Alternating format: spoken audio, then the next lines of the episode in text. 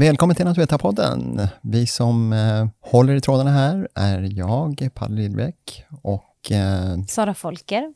Precis, båda två jobbar på Naturvetarna som alltså ger ut den här podden. Och idag ska vi prata om fysisk aktivitet och eh, inte riktigt det här med hårdträning utan i vardagen. Vad har du för förväntningar, Sara? Ja, men jag skulle egentligen vilja veta lite om den träningen som man gör varje vecka. Om man går på pass eller går ut och springer eller sådär. Om det faktiskt räcker. Eller om man måste komplettera med att hålla på och röra på sig hela tiden. Exakt. Det får vi svar här kanske, får vi hoppas, av Maj-Lis Helenius, livsstilsprofessor på Karolinska institutet, KI. Välkommen in! Välkommen.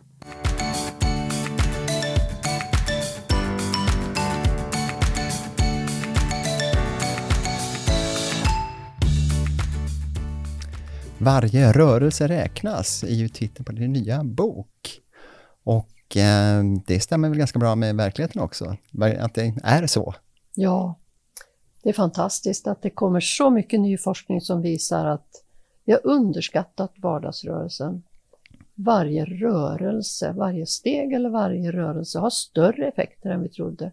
Både här och nu, alltså omedelbara effekter och effekter på sikt. Så man behöver inte sticka ut i skogen och springa eller eh, köra Nej, ett tufft cykelpass, utan det är i vardagen. Man kommer långt med det.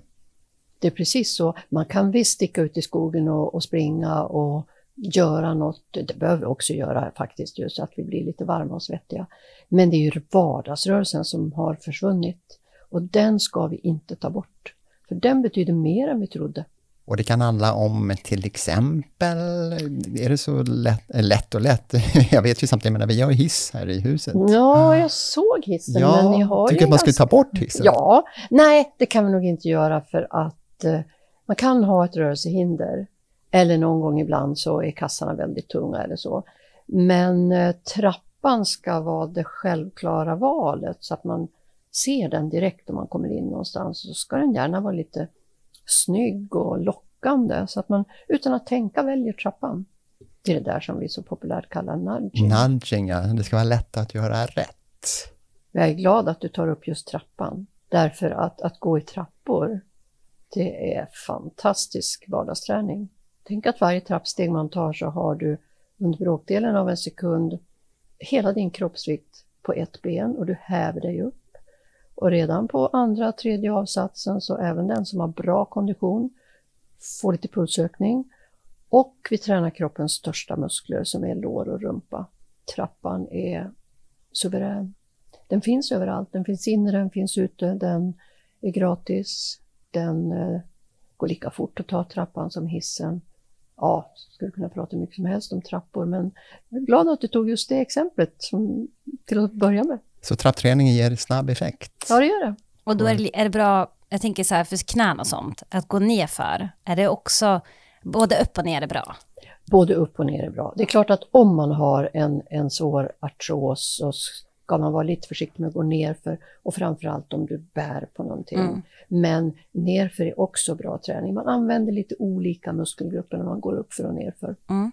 Är det ja, mm, andra tillfällen i vardagen som man bör tänka på det här? Jag tänker på det jämna, det är lätt att man liksom, mm, jobbar man kon- koncentrerat med någonting, att man blir sittande. Ska man till och med ha någon, eh, något alarm på, eller påminnelse som säger att nu är det dags att gå upp? Du har ju tänkt på det här, det märker jag ju därför att det är ju just det. En halvtimme går väldigt fort. Man är inne i någonting, eller man har bråttom, man ska leverera något, eller man är fascinerad av något. Man behöver oftast bli påmind. Ungefär en gång i halvtimmen så är det bra att eh, ha någonting, ladda ner en app eller ställa en gammal äggklocka eller som man gör på vissa arbetsplatser. Det går inte att boka ett eh, arbetsrum längre än en timme till exempel. Men, men det är rätt, man måste bli påmind, annars blir det lätt en timme, två timmar, tre timmar. Och det där, det, vet, det är det farliga, det är den farligaste formen av sittande. Till exempel i våras så kom en av de allra största svenska undersökningarna, nästan 28 000 män och kvinnor i övre medelåldern, som har mätt rörelsemönster med en sån här axelrometer. Den har ju lett till mycket ökad kunskap, både hur ser vårt rörelsemönster egentligen ut och vilka effekter har rörelse. Men där ser man ju att gubbarna, eller männen då, sitter i snitt ungefär 10 timmar. I snitt betyder att hälften sitter mer.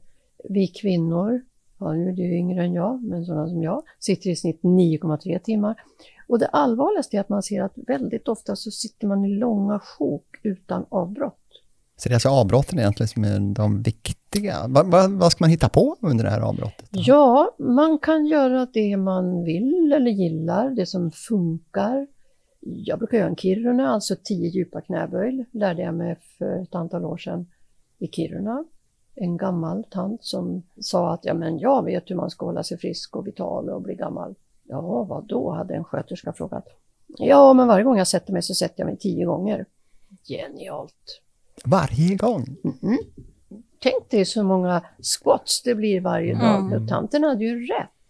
Det är en enkel form. Nej, men man kan dansa, man kan ta en sväng i trappan, man kan gå upp på toaletten eh, om ni har några arbetskamrater där uppe. Man kan ta walk and talk-möten. Alltså, vi är ju ett väldigt digitaliserat folk. Vi sitter väldigt mycket. Och många av oss har inte kroppsarbeten längre. Vi har mycket möten, små möten, stora möten. Små möten, då kan man gå. Vi är lite malliga på Karolinska institutet över att vi var antagligen en av de första i Sverige som la ut en intern walk and talk-guide på, på nätet för ett antal år sedan. Och vad är det då? Jo, vi har stegat upp då att eh, om du ska ha en halvtimmes promenadmöte så kan du gå ner till Hagaparken. Ska du ha en tim, timslångt möte så kan du gå där och då får du 6000 steg. Så det är för att underlätta, påminna om att vi kan ta walk and talk-möten. Men det är en grej till och det är att vår ledning på KI uppmuntrar oss. Det är inte att smita att ta promenadmöten. Och de här promenadmötena, är de eh, lika bra, tycker du, effektiva som vanliga möten när man sitter? De är jättebra. Till och med bättre kanske, rent Ja. av? De kan vara bättre ibland och framförallt om man ska prata om svåra saker. Då är det lättare att gå jämte varandra. Eh, det funkar inte om man är många. Hur många kan man vara? Man kan vara tre, kanske fyra, men sen så splittras man, det blir smågrupper och det är svårt att höra vad man säger. Och en del tycker att, eh, att man vill föra anteckningar, men eh, det kan man ju göra. Man kan ju prata med sin smartphone och, eh, eller man kan stanna till lite då och då och skriva ner det viktigaste. Eller att den som får i uppgift att skriva minnesanteckningar gör det precis när man kommer tillbaka. Det funkar. Jo, men jag vet ju att jag själv, liksom, att man har tänkt på det där flera gånger, men det har aldrig blivit av riktigt. Hur ska man komma över tröskeln? Någon lockar med en och sen brukar det gå av sig själv. Men just det där att, att det på arbetsplatsen finns en liten påminnelse. För det är svårt att bryta gamla vanor. Så att just påminnelsen att det kanske är i receptionen eller något ställe där man ofta vistas, kanske kaffeautomaten, att det finns en liten påminnelse om eh, ta ett walk and talk-möte. Och Ni har ju en fantastisk miljö här precis runt knuten. Ja, ja, verkligen. Här har vi ju förutsättningarna. Eh, Jag tänker också då på att vi ska röra på oss, det vet vi om. Följderna av detta, om man låter bli att ta de här pauserna och eh, aktivera sig fysiskt. Ja, alltså när du ställde den frågan så tänker jag på en rapport som kommer bara en gång per decennium. Det är en amerikansk rapport som skrivs på uppdrag av myndigheter. Amerikanska forskare går då igenom all nytillkommen forskning om fysisk aktivitet och det är så otroligt många effekter, både akuta och långsiktiga. Men när vi sätter oss ner 10 timmar om dagen, då tappar vi de där effekterna. Till exempel så vi omsätter inte något socker längre, eller vi pytsar inte in det i cellerna där det ska vara ett utmärkt bränsle. Vi stänger av enzymer som egentligen ska jobba hela tiden och bryta ner våra blodfetter. Vi dämpar, i vissa fall så stänger vi till och med av produktionen av hundratals, tusentals olika proteiner som vi behöver för att hålla oss vakna, pigga. Till exempel, vi har pratat i många, många år om endorfiner som kommer så efter 10 minuter, en kvart när man joggar och tar i ordentligt. Eh, kroppseget morfin. Idag så vet vi att muskelceller som jobbar, de producerar, ja vi vet ju inte riktigt, men minst 10 000 olika proteiner. som sprids med blodet omedelbart. Och några av de där proteinerna skulle man faktiskt kunna kalla gladproteiner. Det dämpar ångest, man blir faktiskt lite gladare, mindre orolig. Det här var ju bara ett exempel på vad vi tappar om vi sitter stilla. Men det kan man ju känna igen ju, mm. när man varit ute och sprungit till exempel, hur eh, pigg, hur eh, glad man blir. Man ångrar ju aldrig träningspass, brukar man säga. Men man får ju mer energi, ja. liksom, så är det ju. Precis. Och jag mötte en skolläkare en gång som hade börjat gå med sina ja, elever, då får man säga. Och hon sa att alltså, de mötena har blivit så otroligt mycket bättre, både för mig och eleven. Och, och, hon sa att det enda som stör mig är att det skulle ta mig så många år att förstå att det är så här jag ska göra. Och tänk skillnaden att gå till skolläkaren, in på någon läkarmottagning som kanske till och med luktar på ett speciellt sätt, jag sitter här och sniffar, jämfört med att gå ut och gå med sin skolläkare. Det är klart att det samtalet blir mycket bättre. Man kanske lättare vågar berätta om hur man egentligen mår. Och det finns en biologisk förklaring till det här. Och det är det här som forskargrupper runt om i världen kartlägger. Det kommer nya studier varje dag. Och den här biologiska förklaringen då, handlar det om vårt ursprung, lite grann där med vårt liv på savannen? Att man skulle... Ja, visst. Gör det det. Det handlar om att vi är gjorda för rörelse och balans. Ibland så kan ju någon fråga också, men måste jag verkligen upp och hoppa minst en gång i halvtimmen? Nej, det är inte säkert, men det ska vara balans och vi har kommit till obalans. Det är ju inte meningen att vi ska sitta tio timmar om dagen. För det ser man i stora studier att ska vi fortsätta att sitta 9-10 timmar, då räcker inte dina 3, 4, 5 motionspass i veckan. Så man kan liksom inte kompensera där riktigt? Jo, du kan kompensera till en viss del. Har en bild som jag visar ibland i undervisningssammanhang. Det är som en trasmatta. Och det är tiden på en hel vecka. Det är väl 168 timmar tror jag. Låter bekant. Ja. Och så säger vi att vi sover gott eh, minst sju timmar per natt. Då försvinner 49, jag vill säga att vi sover 50 timmar då, nästa vecka. Då är det 118 timmar kvar. Och så säger vi att den veckan så går vi och tränar tre gånger, tre kvällar. Det är rätt bra. Och mm. våra kompisar tittar på oss med beundran. Kör mm. hårt också gör vi. Wow. Då försvann tre timmar. Och de timmarna ser vi. För att du ser det här i reklamen, vi tittar ut över ett stort gym där borta, vi byter om, vi ser det, vi pratar om det. Men det är 115 vakna timmar kvar den veckan. Och det är de timmarna som vi har blivit så stilla när vi jobbar, när vi kommer hem, hur vi transporterar oss, hur vi roar oss. Åh, vilken lång utläggning. Det är svårt att få stopp på mig som ni märker. Men om vi sitter tio timmar om dagen, då räcker inte längre några motionspass i veckan. Det kan till och med bli så någon gång att vi blir lättare skadade de där gångerna som vi kör hårt, om vi inte har den här ständiga vardagsrörelsen igång. Det är som att borsta tänderna en timme på lördag. Alltså ni förstår vad jag menar. Ja. Absolut, absolut. Jag tänker på det här med eh, möten, konferenser, ofta man sitter i, i timtal. Varje pass är längre än en halvtimme. Det brukar ju kunna vara, eh, ibland upp till två timmar, man, man sitter still. Och sen så känner man ibland att det vore skönt här att kunna räcka upp handen och säga, kan vi ta en liten paus här? Och det brukar de ju acceptera då. Precis. Trot eller ej, men faktiskt skrivit en liten en väldigt liten folder som heter Det hälsosamma mötet.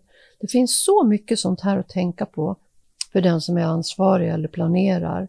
Att se till att det inte blir för långa pass. Att det finns möjlighet att, eller kanske, ja, nu måste vi hålla oss vid mikrofonerna här, men att det finns möjlighet i ett konferensrum, att det finns några stolar så att man kan sitta om man vill eller behöver, men att det också runt omkring är lite ståbord. För det är också nudging. Finns det ståbord, då, då går man och ställer sig där.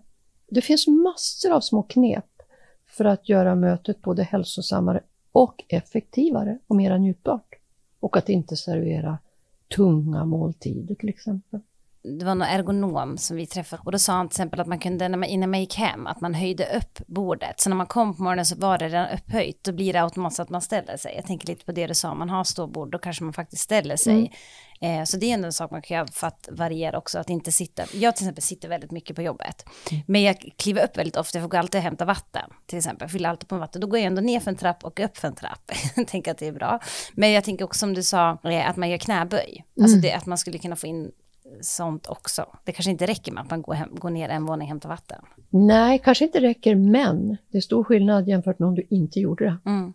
Alltså man vet att så lite som en minuts rörelsepaus har effekt på eh, energiförbränning, alltså kaloriförbränning, har effekt på blodfetter, har effekt på bukfettman och så vidare. För det är ju det också. Alltså vi alla har gått upp i vikt runt om i världen, alla åldrar. Och vi glömmer att när vi sitter stilla, särskilt om man sitter med stöd, då har vi en väldigt låg energiförbränning, energiförbrukning. Man skulle lika gärna kunna ligga ner. Så att bristen på vardagsrörelse förklarar mycket mer av viktuppgången än vi tror. Men om du tittar, gör en sökning till exempel på vill gå ner i vikt, vad hittar vi då? Ja, vi hittar nio hits på hur vi ska ändra matvanor och en, alltså nio till ett då, hur vi måste öka vardagsrörelsen. Men vad är viktigast egentligen då? Matprofeten, höll på att säga. Nej, men de som lägger skulden på maten, de menar att eh, maten är viktigare än den fysiska aktiviteten. Det är både och. Ja, det är både jag gissar att det är en kombination. Ja, det är en kombination. Det går inte riktigt att försöka hitta enkla lösningar på komplexa problem. Att vi har gått upp i vikt allihopa, det beror ju bland annat på att vi har minskat energiförbränningen när vi sitter så här otroligt mycket. Men naturligtvis också på vårt sätt att äta, att vi småäter mycket mera, portionsstorlekar. Men det beror också på stress. Stressen påverkar ju rörelsemönster. Vi tycker att vi har inte tid att röra oss när man är pressad, man ska leverera något. När vi sover sämre så tappar man lusten, orken att röra sig, motionera, matvanorna blir sämre, det blir det blir en ond cirkel, det hänger ihop. Men det handlar om livsstil alltihopa. Men det går att få den där cirkeln att börja snurra åt rätt håll igen. Det känns som att det har lite med van, alltså man är så van att man alltid har en rulltrappa, alltid tar hiss. Då blir det automatiskt, som jag tänkte som du sa med trappen, att man skulle kunna göra en, så den blir mer lockande, att man väljer trappen då före en hiss eller en rulltrappa. Mm. Eller man kan ju faktiskt också gå i en rulltrappa. Men ofta Absolut. så blir det bara att man står där, och åker upp. Mm. Mm. Utan att tänka. Ja, precis. precis. Nej, jag, jag brukar faktiskt inte göra det, jag brukar alltid gå. Jag tycker, jag, det är som att man måste tränga sig förbi folk, det är det jag tycker är jobbigt, ja. så jag bara står där. Jo, ja, nej, jag går alltid, men eh, visst, om, om det fanns någon liten påminnelse som är lockande och som är trevlig, rolig, för vi vill ju inte att folk kommer med pekpinnar och tvingar en att göra saker. Nej, det tycker ingen av oss om, utan det ska vara inspirerande. Vad mer i kroppen påverkas då?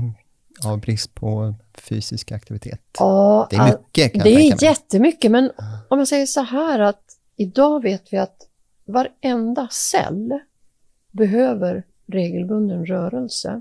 Leverceller, nervceller, hjärnceller, ögatceller, det är en form av sinnesceller, huden, eh, mag-tarmkanalen och hjärtat får jag inte glömma, lungor. Alltså idag så vet vi att det låter för bra för att vara sant, men vi kan radikalt minska risken för hjärt och kärlsjukdomar, typ 2-diabetes, vanliga cancerformer, demens inklusive Alzheimer, inflammatoriska sjukdomar, depression och ångest. Mycket är långsiktiga effekter, men vi vet till exempel att vad gäller depression och ångest och vakenhetsgrad och sånt, då får vi akuta effekter. Så där fort kan det gå. Kroppen behöver rörelse. Den är bra för både fysisk och psykisk hälsa, här och nu, idag, när vi går härifrån och imorgon och om tio år. Det låter verkligen som eh, den bästa och eh, inom situationstecken enklaste hälsokuren. Den är enkel, precis. Jag tror att steg ett är att vara medveten om det och att lita på den informationen. Men sen måste ju, jag menar vi tre som sitter här, vi har ju möjlighet att påverka våra liv, men det är viktigt att samhället underlättar för oss. Och vi är på väg emot ett bättre samhälle, alltså att man tänker på fysisk aktivitet när man bygger nya stadskärnor, nya bostadsområden, nya skolor. Att redan från början tänka in, locka det här till rörelse? Är det tryggt att promenera här ute? Nu kommer det att bli mörkt i flera månader snart. Finns det upplysta gångvägar? Har vi tillräckligt breda trottoarer? Finns det cykelbanor? Vi, vi kan göra väldigt mycket. Alltså samhället kan göra väldigt mycket. Finns det mycket. utegym till exempel? Sådana börjar växa upp mer och mer. Mycket bra. Jättebra. Det är en bra grej. Det är riktigt bra. Och när du säger det så kommer jag också tänka på att det är inte bara kondition vi ska sträva efter utan vi måste ha lite muskler också, muskelmassa. Och det är viktigare ju äldre man blir har jag förstått. Absolut. För att med åren så tappar vi muskelmassa. Det är då som eh, benen blir smala, rumpan blir platt och så magen blir större istället. Det gäller både män och kvinnor. Om inte förr så är det då man börjar lägga på ett kol vad gäller styrketräning. Man ska ha tjocka lår hela livet. Ja, men det är väl en ganska bra sporre, låter det som, här för att få folk igång, för att få folk i rörelse. Och här, här är det till och med så att regeringen står bakom, apropå den här boken som vi inledde med lite grann. De tycker att det här är viktigt. Absolut, och det tycker jag är ett tecken i tiden och något som jag är glad över. Det finns alltså en kommitté för att främja fysisk aktivitet på regeringskansliet och jag har glädjen att, och jobba deltid i, i den kommittén. Så att den här frågan är nu uppe på högsta nivå så att säga. Och det är bra. Ja, det är glädjande och kan göra oss mer hållbara i framtiden. Absolut hållbara, ja, det är bra. För att hållbarhet, då menar man ofta att vi ska tänka på miljön och det ska vi naturligtvis göra. Men vi människor ska ju vara hållbara också. Vi är ju en viktig resurs, skulle man kunna se det som också. Det som är hållbart för oss blir också ett hållbarare och bättre samhälle. Jag tänkte på, nu går jag tillbaka lite till eh, just det här med rörelse, man ska röra sig varje halvtimme. Om vi säger att man gör det då på jobbet, eller man också tar sig till jobbet, att man går från tunnelbana, tvärbana, en tio minuter, eller något sånt där. Eh, och sen så rör man sig varje halvtimme och sen när man kommer hem kanske man tränar. Och så säger vi att man vill sätta sig ner och kolla på en film eller tv-serie. Ska man ändå tänka på att varje halvtimme kliva upp från soffan? Eller är det ändå så här, nej men du har rört dig så mycket idag så man kan sitta i två timmar och kolla en film utan Mm. att kliva upp. Det där är en svår fråga. Mm. Jag skulle nästan vilja säga stä- ställ den igen om 5-10 år. Nej, men alltså, det är ungefär där som forskningsfronten är. Att vi vet att långvarigt oavbrutet sittande, det är inte bra för oss. Men, ja, men hur ofta ska jag ta den här rörelsepausen? Hur lång ska den vara egentligen? Precis vad ska jag göra? Hur mycket ska du göra som har tränat så där mycket den här veckan och hur mycket ska, ska Palle göra? Det är svårt att svara på, men att försöka att inte sitta mer än en halvtimme är bra. Men man kan ju faktiskt röra sig sittande också. Apropå långvarigt sittande och som något som har blivit eh, väldigt aktuellt nu med tanke på att vi är i, förhoppningsvis i svansen av en svår pandemi. Det här coronaviruset ökar ju risken för blodproppar rätt ordentligt. Och sen gör ju stillasittande eller kanske liggande i en sjukhussäng under lång tid innebär en kraftigt ökad risk för blodproppar. En rörelsepaus på två minuter påverkar ett ämne som heter fibrinogen. Har man för höga nivåer så får man lättare blodproppar. Det halveras av två minuters rörelsepaus. Det där var bara ett litet exempel på så mycket en liten rörelsepaus kan göra för hälsan. Ja, bra fråga där. Annars, man tycker Den är när man, jättebra. Ja, för man tycker annars man ligger man där i soffan så Ja. ska man kunna få ligga där. Men det Men man också- alltså göra. Men sen kan det också bli automatiskt tycker jag att man kliver upp från soffan för att om jag sitter för länge då blir jag väldigt trött. Alltså så är det. Och det tänkte jag på som du pratade om innan också att man eh, kan bli trött. Och för det märker jag då måste jag ställa mig upp. Så oftast blir det så jag, jag måste ställa mig upp om jag kollar på en film för att annars somnar jag. Mm. Och då är det väl kanske kroppen själv som Ja, säger till. Men din fråga är bra och det är ju också så att det finns situationer när sådana som jag och andra inte ska vara för tjatiga med att bryta stillasittandet, att, att röra sig, att träna. Vi har ju också problem av anorexi och det vi kallar ortorexi, alltså en överdriven fixering vid ett hälsosamt leverne. Så att vi behöver balans och ibland är det också befogat att vara lite snäll mot sig själv och att det inte ska vara så mycket krav. Att Nej, men ikväll behöver jag faktiskt ligga här med filten upp till hakan och titta på min älsklingsserie eller vad det nu kan vara. Du förstår vad jag Ja. menar.